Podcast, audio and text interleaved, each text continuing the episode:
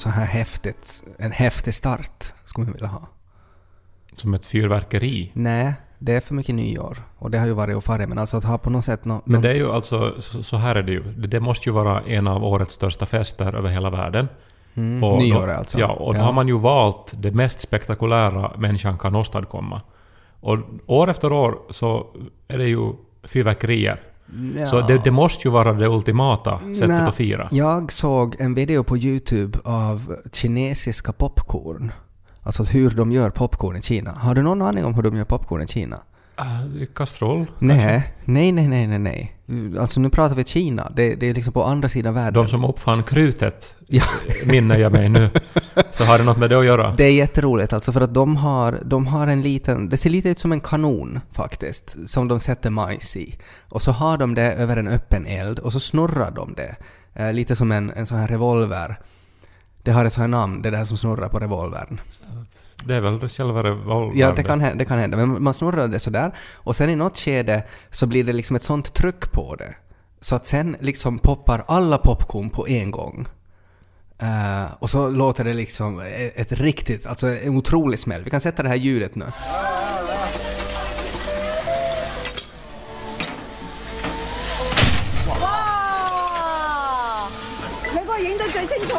Helt otroligt alltså. Det där skjuter de ut i en, eh, alltså en sorts påse.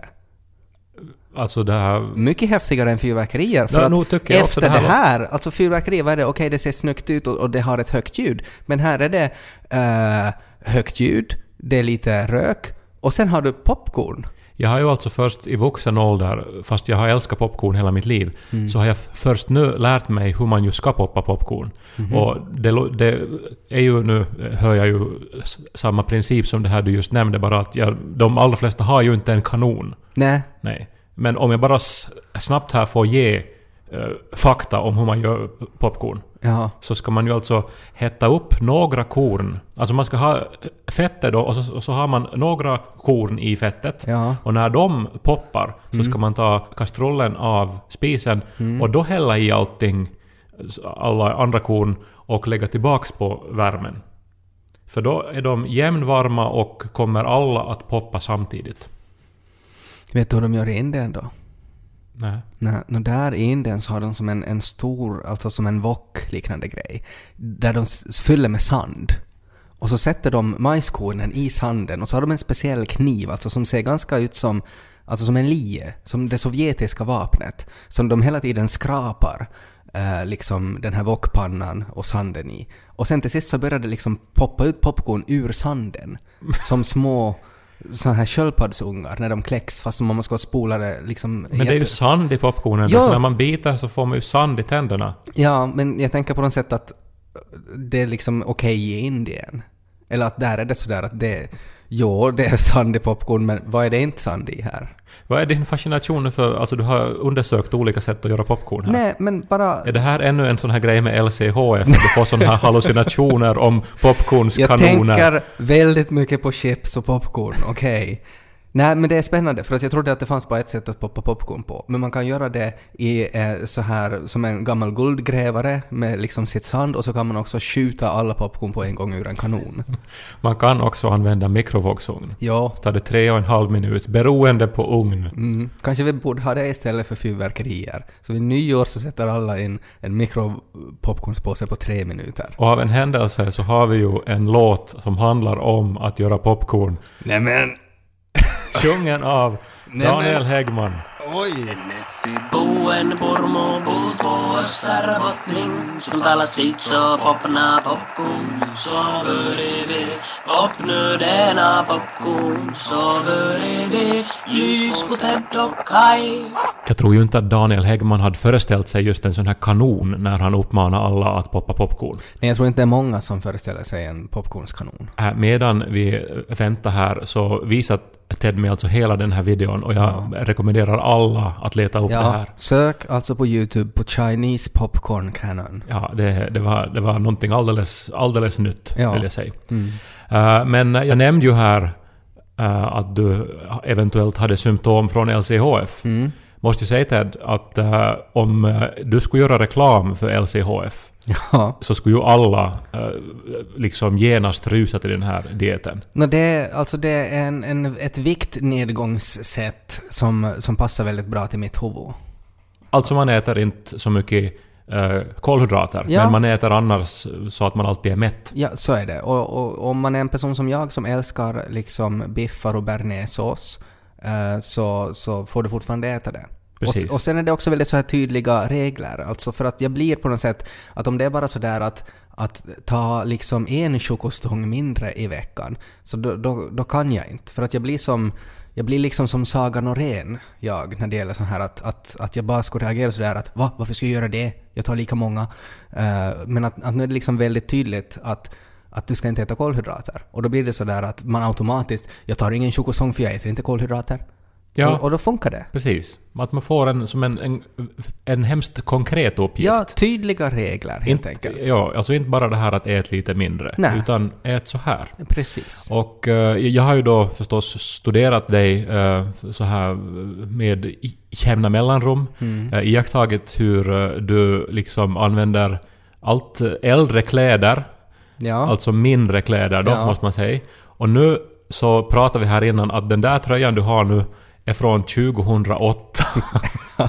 och, och, och det är sen ett annat kapitel, vi ska inte prata om det faktum att du använder Ja. en t-shirt som är 10 år gammal. Nej. Eh, Men det faktum att du alltså ju har gått ner i vikt är ju Ja. väldigt uppenbart. Så är det ju. Och jag, jag har ju hållit på nu och inte ätit kolhydrater på typ... Hur länge har jag hållit på? Ett halvår? Är det så länge ja. Nästan. Eh, och har ju gått ner mycket. Eh, och, eh, jag menar, det är ju inte första gången som jag har varit på LCHF. Jag har gjort det tidigare också och då har det också funkat. Och sådär. Och jag menar, nu är det ju på något sätt att jag håller på att få bort de här graviditetskillorna. Att det är ju liksom de som jag jobbar av med nu. Som, som är lätt hänt att, att, att man liksom får i sig med de här chokostängerna vid behov. Eh, men, eh, men det känns bra. Ja, och som sagt, jag tycker det är inspirerande. Ja. Och, och eh, ditt hår är ju någonting som jag ofta kommenterar i den här podden. Ja. Men nu tycker jag alltså, jag har aldrig sett det så här tjockt och på något Nej. vis kraftigt. Ja. Och jag undrar om det också hör ihop med Nej, det här. det tror jag är nog den här, det kanske är liksom det här baconflottet som, som jag nu för tiden alltid har i det. Nej men det är säkert, har, ni, har vi inte pratat om det? Alltså min nya hårvårdsprodukt med toffesmak. Det stämmer ju. Så det är ju, det är ju liksom den. Och, och det är också på något sätt kanske gå hand i hand med LCHF, för att om jag inte kan äta toffee så kan jag åtminstone ha det i håret. Men du har åtminstone inspirerat mig, för att jag Ja. då när året skiftade här så bestämde jag mig också för att nu ska jag äta mindre kolhydrater. Mm. Eh, och det här var då kanske inte så, så mycket för att gå ner i vikt, vilket jag också gärna skulle göra, kanske några kilo gärna. Mm. Men eh, för att jag eh, minns när jag var på LCHF senast, Mm. att jag blev till någon sorts supermänniska Ja. som eh, orkar så otroligt länge. Ja, man får, alltså det blir ju som en liten reboot till systemet och så får man eh, ny energi som man inte riktigt visste att man, man hade. Och eh, jag minns också som författare att jag då skrev alltså intensivare och effektivare än jag någonsin innan hade gjort. Mm. Att på en månad så skrev jag liksom över 100 sidor, Mm. vilket eh, för mig är alltså hemskt mycket. Mm. Så att jag tänkte då att om jag liksom skulle ge det här en chans Ja. och som se om det skulle hända igen. Ja. Är, det, alltså, ligger det någonting i att det här med att man lever på fett så gör att man eh, arbetar mer effektivt? Mm. Så eh, vid årsskiftet då la jag igång med det här. Uh, har du då inte ätit kolhydrater då på lite över en vecka Mm. och uh, än så länge ingen märkbar effekt. Nej. Utom då att jag har uh, sovit dåligt. Okej. Och det var speciellt nu då en natt eh, förra veckan då jag alltså gick och la mig då eh, klockan 11 ungefär. Mm. Och la väckarklockan på 7 som jag brukar. Och uh, somna, var trött, vaknade, var övertygad om att klockan var ungefär 6. Mm. Se på klockan, klockan är 1. Mm. Och det här är ju det värsta som kan hända. Mm. Eh, Att man vaknar pigg och klockan är ett. Om man vaknar pigg eh, klockan fem så går det ju att stiga upp och liksom göra grejer. Men Ja. klockan ett så är det ju nästan kväll ännu. Ja. Och eh, så jag nu då uh, vred mig en stund i sängen, gick då upp eh, till sist och satte mig på soffan och uh, arbetade lite. Mm. Eh, Du var som Chelsea HF Västö. Precis, Kjell CHF Westö. Mm. En författare som som... Sover dåligt men skriver mycket. Ja, nå, Ja. inte he- helt tydligt. Nej, men Nej. skojigt ändå. Nå, men i alla fall, det som jag också gjorde var att jag googlade eh, LCHF plus sömnlöshet. Mm. För att jag var intresserad att höra det här ihop. Ja. Vet du vad första träffen var?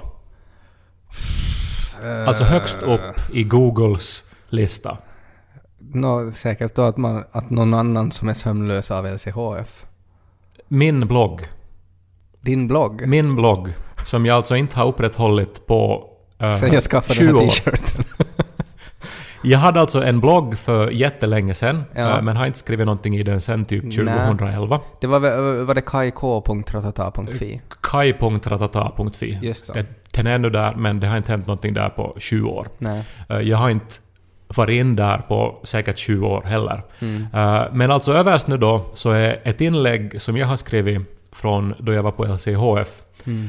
eh, och eh, var sömnlös. Mm. Och det var en ganska så här uppgiven text då om att, eh, om att jag mådde rätt så dåligt och att jag eh, hade liksom ett otroligt sockersug och så vidare. Ingen Mm. briljant text, Nej. men eh, i alla fall eh, om samma ämne. Ja. Det som jag då alltså var totalt otroligt eh, spooky för mig, så var att den var alltså skriven den 7 januari 2011. Alltså på dagen 20 år sen. När jag då satt i min soffa och upplevde precis samma sak. Ja. Och eh, det här eh, fick ju mig då så här att tänka på siffror och på livet som har gått Ja. och, på, och på att allting eventuellt faktiskt går i cykler. Mm. Och alltså det, de har ju såna här olika teorier om eh, 20-års cykler. Det, det är liksom allt med, med jobb och med förhållanden och allt. Ja, alltså i f- förhållanden är ju den här klassiska 20-årskrisen. Mm. Man har väl också kris vid tre år och vid fem Det är år. väl nog typ varje år tror jag det finns någon sorts kris. Men det som är grejen tror jag med 20-årskrisen är att den är extra svår och att om man klarar den så är det som fritt fram att vara ihop resten av livet. Mm. Att liksom färre än så blir det inte. Nej, du, du borde ha gjort slut då, tidigare. Exakt. Men, eh, och eh, det är också en hel del i livet som ju alltså faktiskt går i konkreta, tydliga 20-årscykler. Mm. Eh, Jag har nu då lite tänkt på det här och, och insett att det här är liksom vattentätt. Eh, Första gången är ju då alltså när man fyller 20. Ja. Småbarnsåren slutar. Man ja. börjar skolan. Man börjar skolan. Mm. Ja. Tydligt, eller vad? Ja, ja, jag håller helt med. 20 år framåt så är man 14 år. Mm. Barndomen slutar. Mm. Man har sitt sexuella uppvaknande. Vissa lite tidigare, vissa senare, men Mm. i princip när man är 14. Medeltalet är liksom vid 14 år. Ja, och Mm. då slutar ju barndomen och Ja. man blir till en kåt tonåring Precis. med nya behov och Ja. svårigheter. Exakt. Eh, vi skriver om de här just nu eh, i en ungdomsbokserie. Mm. Så man har levt hemskt mycket i den här mindseten nu, kåt tonåring. Mm. Eh, sen uh, 20, 20 år ännu framåt, om vi Mm. nu hänger med här, då är man 21. Ja. Förmynderiet slutar. Ja. Olika för olika länder, men i princip så är man en självständig individ. Ja. Självständigheten börjar. Mm. En sorts frihet inträder. Mm. Man kanske i det skedet så många har kanske studieplats eller jobb eller, eller sådär. Sitt första riktiga förhållande och så vidare. Ja.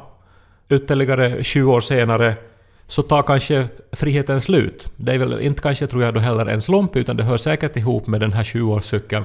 Att det är just då man i allmänhet får sitt första barn. Mm. Och eh, kanske gifter sig till och med, eller stadgar sig liksom permanent, om man säger så. Mm. Är inte det här otroligt intressant nu? Att jag Nej. går alltså 20 år framåt och det är så tydliga Nej. sådana här vändningar i livet. Jag tycker det- det är inte vattentätt och inte superintressant, men att jag, jag nickar och håller med och väntar på din point. Mycket tyder ju, alltså det här ändrar ju, jag menar just det här, man blir ju bara äldre och äldre, förstföderskorna i Finland till exempel och, och sådär att, att det, det förskjuts ju hela tiden de här och, och kidsen blir snabbare vuxna och sådär. Eh, ja, men jag har alltså googlat statistiken och medelåldern för en förstföderska är just mellan 27 och 28 år Okej. i Finland idag. Okej. Så. eh, Och eh, sen nu då, det kanske intressantaste då för oss 20 år framåt, Mm. 35. Ja. vi fyller båda 35 det här året. Så Just det. det. här är ju liksom aktuellt för oss nu då. Då är det ju dumt att det står 36 på min t-shirt. Det, det är ju... Den där t-shirten som du köpte för 10 år sedan, som det står 36 på. Vad, vad tänkte du då Att någon gång är jag 36 Ja, och då kan det vara kiva att ha den här t-shirten. Okej, men uh, vid 35 uh, ska man kunna säga att uh, eh, alltså rent allmänt så uh, där är det hemskt många som har sin första skilsmässa. Nå, inte rent allmänt kan man väl säga. No, alltså jag tror att om man ska skilja sig så är det ju just då det händer. Ja, du utgår från de som redan kommer att... Ja, okej. Men det är ju så otroligt klassiskt att de här som, som har farit ihop sen tonåren, när de var 14 kanske, Mm. Ja, liksom just avslutat sin andra cykel. Så när de då avslutar sin femte cykel vid 35 Mm. så uh, Ja, jag skulle nog säga att det de finns sig. Regionala skillnader där. Ja, no, Men- det här är kanske... Det, det, det är hemskt österbottniskt det här att bli ihop i högstadiet Ja. och sen vara ihop för evigt. Men jag kan, jag kan acceptera det att det, liksom, det, det är liksom eh, rond två för många i den åldern kanske. Ja, och, och det som kanske inleder, inleds här är äh, ångesten och alla kriser. Mm. För att här på något vis, senast här så måste man ju säga att ungdomen slutar. Mm. Att det är liksom att om du inte har din shit together som 35-åring så då börjar man ju fundera att varför har jag inte min shit together? Vad beror det på att jag inte har min shit together? Kommer jag att ha min shit together om 20 år till? Antagligen inte och så gör man slut. Precis. Och far till goa. Man har en ägna en helt uh, ansenligt stor del av sitt liv åt att bli till någonting förhoppningsvis. Om man här i det här skedet inser att nu har jag blivit till fel sak, eller nu är jag på fel väg, så eh, har man ju som egentligen eh, ja, irrat omkring under hela sin ungdomstid. Mm. Ja, eller så kanske det känns. Mm. Ja, nå ännu 20 år framåt om vi tar det då ännu. Mm. Det som vi nu då alltså, alltså, nu, alltså den här Det enda vi har att se fram emot ännu. cykeln som vi nu då ska inleda. Ja. Som kommer att ta slut när vi är f- 42. Mm. Inte en slump att många kvinnor då inträder i klimakteriet. Och alltså inte längre är fertila, ja. Tror jag. Men hur är det med karlarna då? Nå, det, det finns en så intressant psykologisk teori kring medelålderskris. Ja. Som alltså gör gällande att orsaken till att man i den här åldern, 42-ish, får ofta en medelålderskris Mm. är att då borde man eh, rent historiskt vara död. Ja, ja. För att i allmänhet har man inte levt så jättelänge. Mm. Eh, utan typ Att det, är, den här det är åldern... ens undermedvetande som säger att du borde inte finnas. Det är ens hjärna som inte har beredskap att leva längre. Den Nej. är så här att okej, jag har gjort allt jag kan. Ja, nu finns det liksom, manus är slut nu. Nu kan du få köpa en HD. Precis. Man Ja. borde vara död. ja. Ja. Eh, Intressant. nej men är det inte otroligt intressant? Men jag tycker ju alltså att det blir ju lite av ett antiklimax. För att jag tycker att det som skulle göra det här mest intressant är att om det skulle vara någonting väldigt signifikant med den sjunde cykeln. Alltså för att 20 gånger 20 Ja, men för att det, vi pratar om, om 20 år och så liksom den sjunde gången det har gått 20 år. Det är Ja, det men som är det inte... Alltså för att... Egentligen mellan... Alltså, alltså hittills har vi ju som sett väldigt konkreta förändringar Mm. i livet. Men efter 42, vad är det för skillnad egentligen på 42 och 49? Det Nej. finns ingenting egentligen Nej. där. Nej, det händer inte så mycket mer. Precis. Ja. Möjligen att ens bostadslån minskar så pass mycket att man har lite mera pengar. Ja. Om man har tagit ett lån. Eller att man ångrar de här motorcyklarna man köpt när man var 42. Nå, möjligen att, att man får barnbarn. Mm. Det är ju en ganska stor Mm. förändring. Okej. Livets efterrätt. Ja, och många menar ju att det är liksom på något sätt, det, det är ju det största som kan hända det. Alltså att när man får barnbarn, att, att kanske det är den sjunde cykeln då. På något sätt, att det är liksom den här största förändringen man har. För då måste man delvis eh, bli okej med att nu, nu, nu har liksom min grej har farit. Att det jag kan göra nu är på något sätt att, att leva igen lite genom mitt barnbarns ögon och sådär. Och att inse att man har en helt annan plats i samhället och sådär. Och det är ju, kan ju vara en ganska stor what the fuck. Men är inte lite det där som att vara en gay fadder, att vara fammo? Att man liksom får bara de här fina stunderna och sen får man hem och dricka champagne. Ja, alltså skillnaden där är väl att fammorna far inte liksom hem och dricker champagne utan att de är faktiskt där och byter blöjorna och, och sådär. Nå, att det, är nog, det är nog bara de här gayfadderna som, som liksom runkar på näsan när det kommer kacka och, och far och dricker skumpa. Så det, det är inte riktigt samma sak. Minns du då för två år sedan när ni Ja. fick Lo, när jag och Niko sa att vi ska ju barnvakta hela tiden så att Ja. ni också får få ut och äta. Hur många gånger har ni barnvaktat? Nå, vi tänkte att nu under den här nästa års cykel här,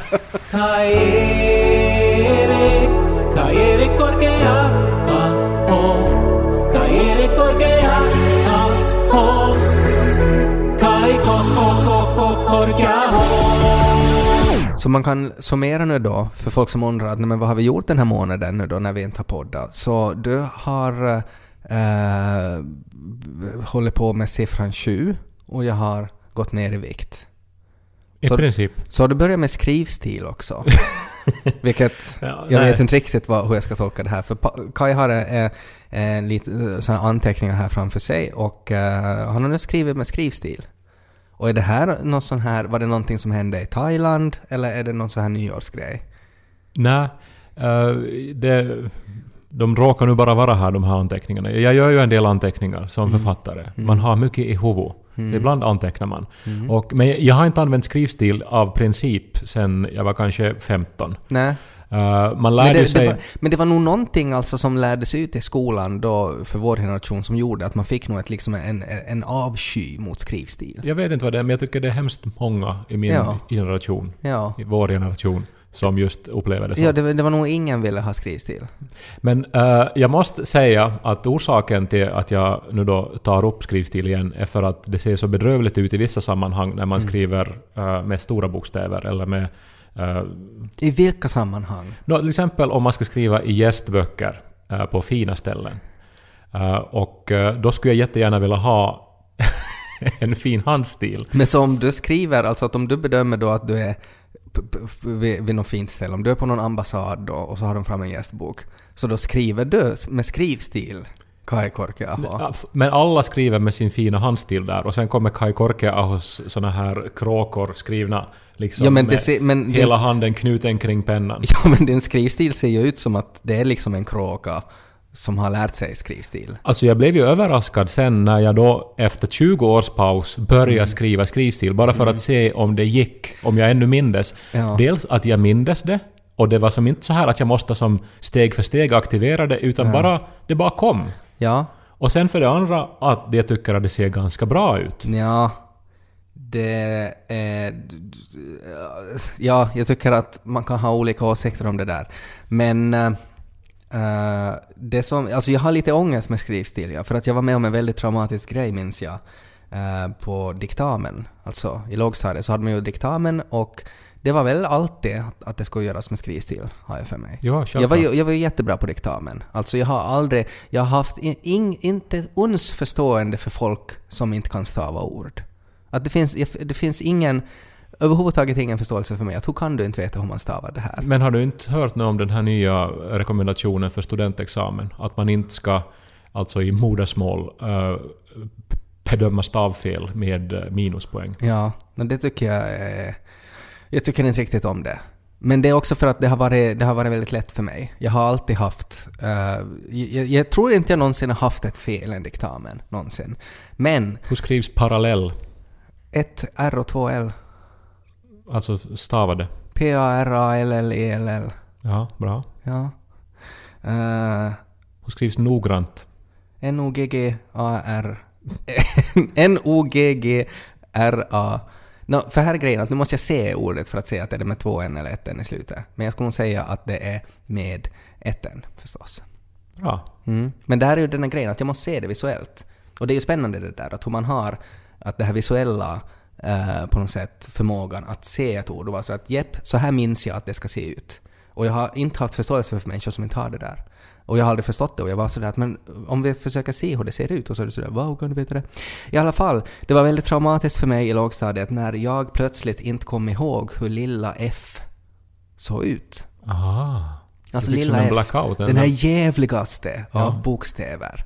Jag, jag Gemener. man lärde ju sig en bokstav i taget och och man gick inte från A till Ö utan Nej. det som startade med enkla och så blev det som svårare och svårare. Jag tror F var en av de sista. Ja, F var alltså, det, det är ju, alltså den är ju svårare den ju. Alltså att man ska börja så här långt ner och så får det upp då som en liten som en liten en, en snok och så ska det vara ner igen. Men så ska det då, när, när det han liksom har farit ner så sen kommer en liten kvist där som gör det. Och det där hade jag totalt glömt bort.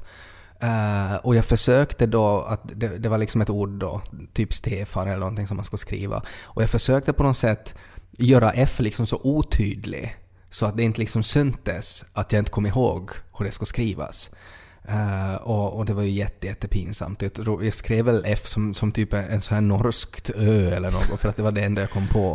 Uh, men sen efter det så ristade jag in lilla F i mitt skrivbordslock så att jag alltid kunde liksom öppna skrivbordslocket för att se hur det såg ut. Är du fusk alltså? Nej, jag fuskar. Det är väl inget fusk att bara ha hur en Att bokstav skriva på ser ut? pulpeten? Nej, men att ha hur en bokstav ser ut. Folk, det här är ju det som Det folk fusk. med, att dagen innan så skrev man upp en massa Nej huvudstäder. men, inte det, väl- nej men så är det ju inte alls, utan det är ju sådär att om du inte kommer ihåg hur fyra ser ut i matteprovet så får du väl skriva en fyra någonstans för att minnas hur den såg ut. No, alltså nu är ju det, alltså en, det, det är ju det man testar.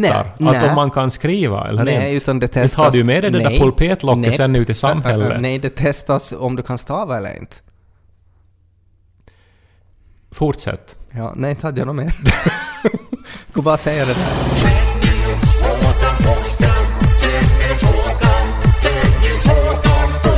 Den här min sjätte sjuårscykel som nu då ska börja, Mm. så ser ju ut att bli väldigt eh, annorlunda än de andra. Okej. Jag har ju aldrig varit en sån här GoPro-hetero.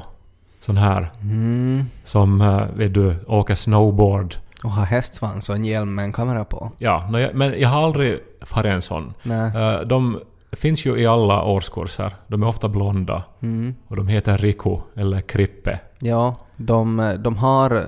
Man kan inte liksom kalla dem med deras tråkiga namn.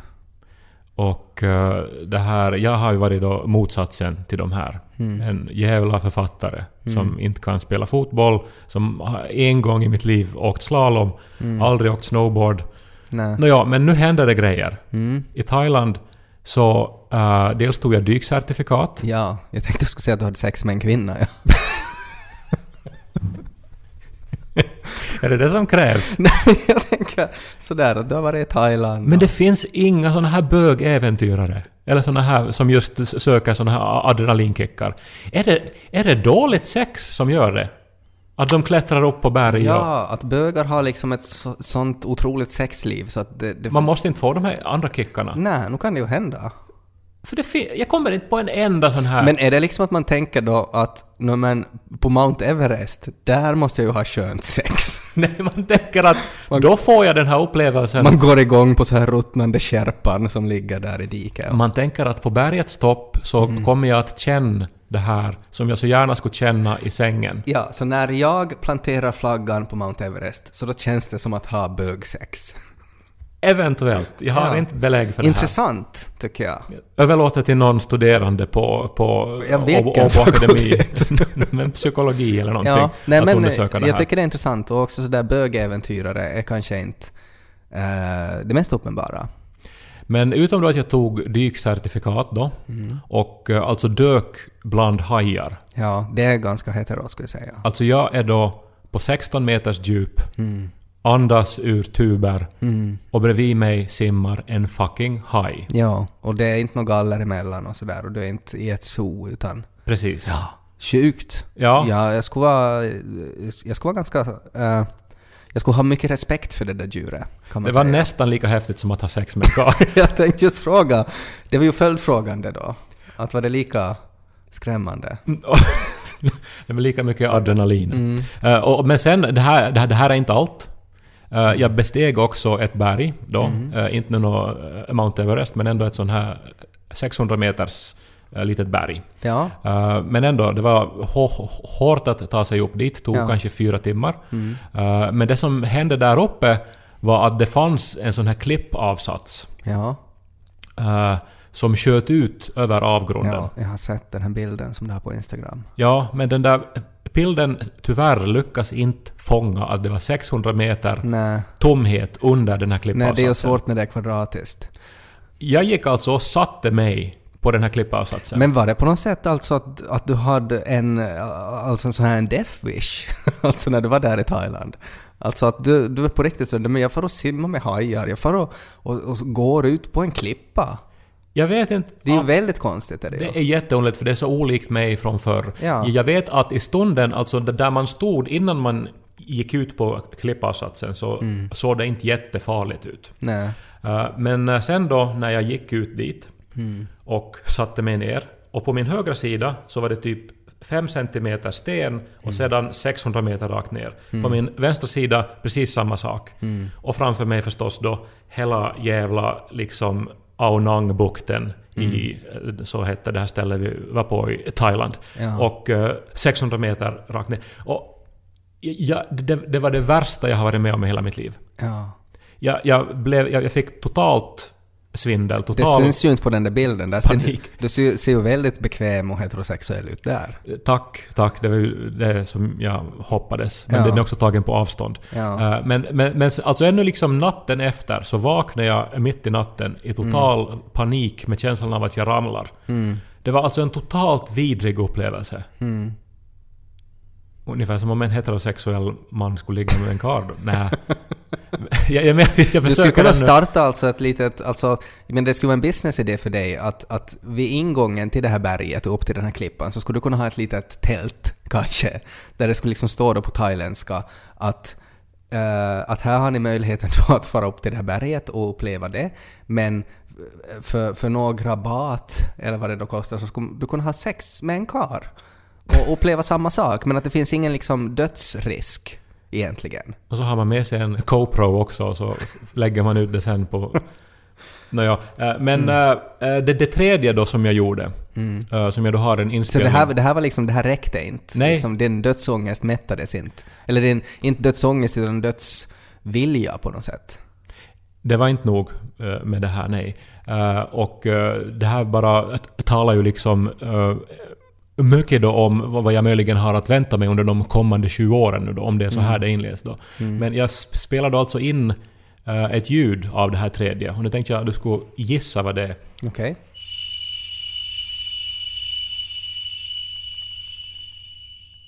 Ja, men det är ju väldigt lätt. Alltså det här är ju... Det här är ju förstås eh, nattliga insekter.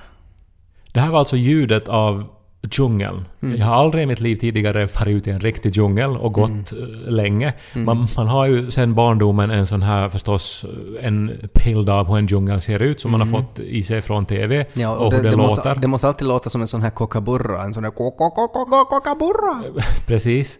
Eh, och, och, och så det här är det förstås ofta så här svagt då ljudet av sursor eller någonting. Eh, men så här lät det alltså, och, och precis liksom hela tiden. Och nu, nu vet jag inte liksom hur bra det här nu då kommer fram. att Det här ljudet var ju alltså otroligt högt. Ja. Nä, nästan så att det gjorde ont i Ja, det öronen. låter ju som tinnitus. Och det, det, det som vi alltså hör då är cikador. Ja, Som ju är typ som sursor, men större och de ser lite djungeln. mer ut som kackerlackor.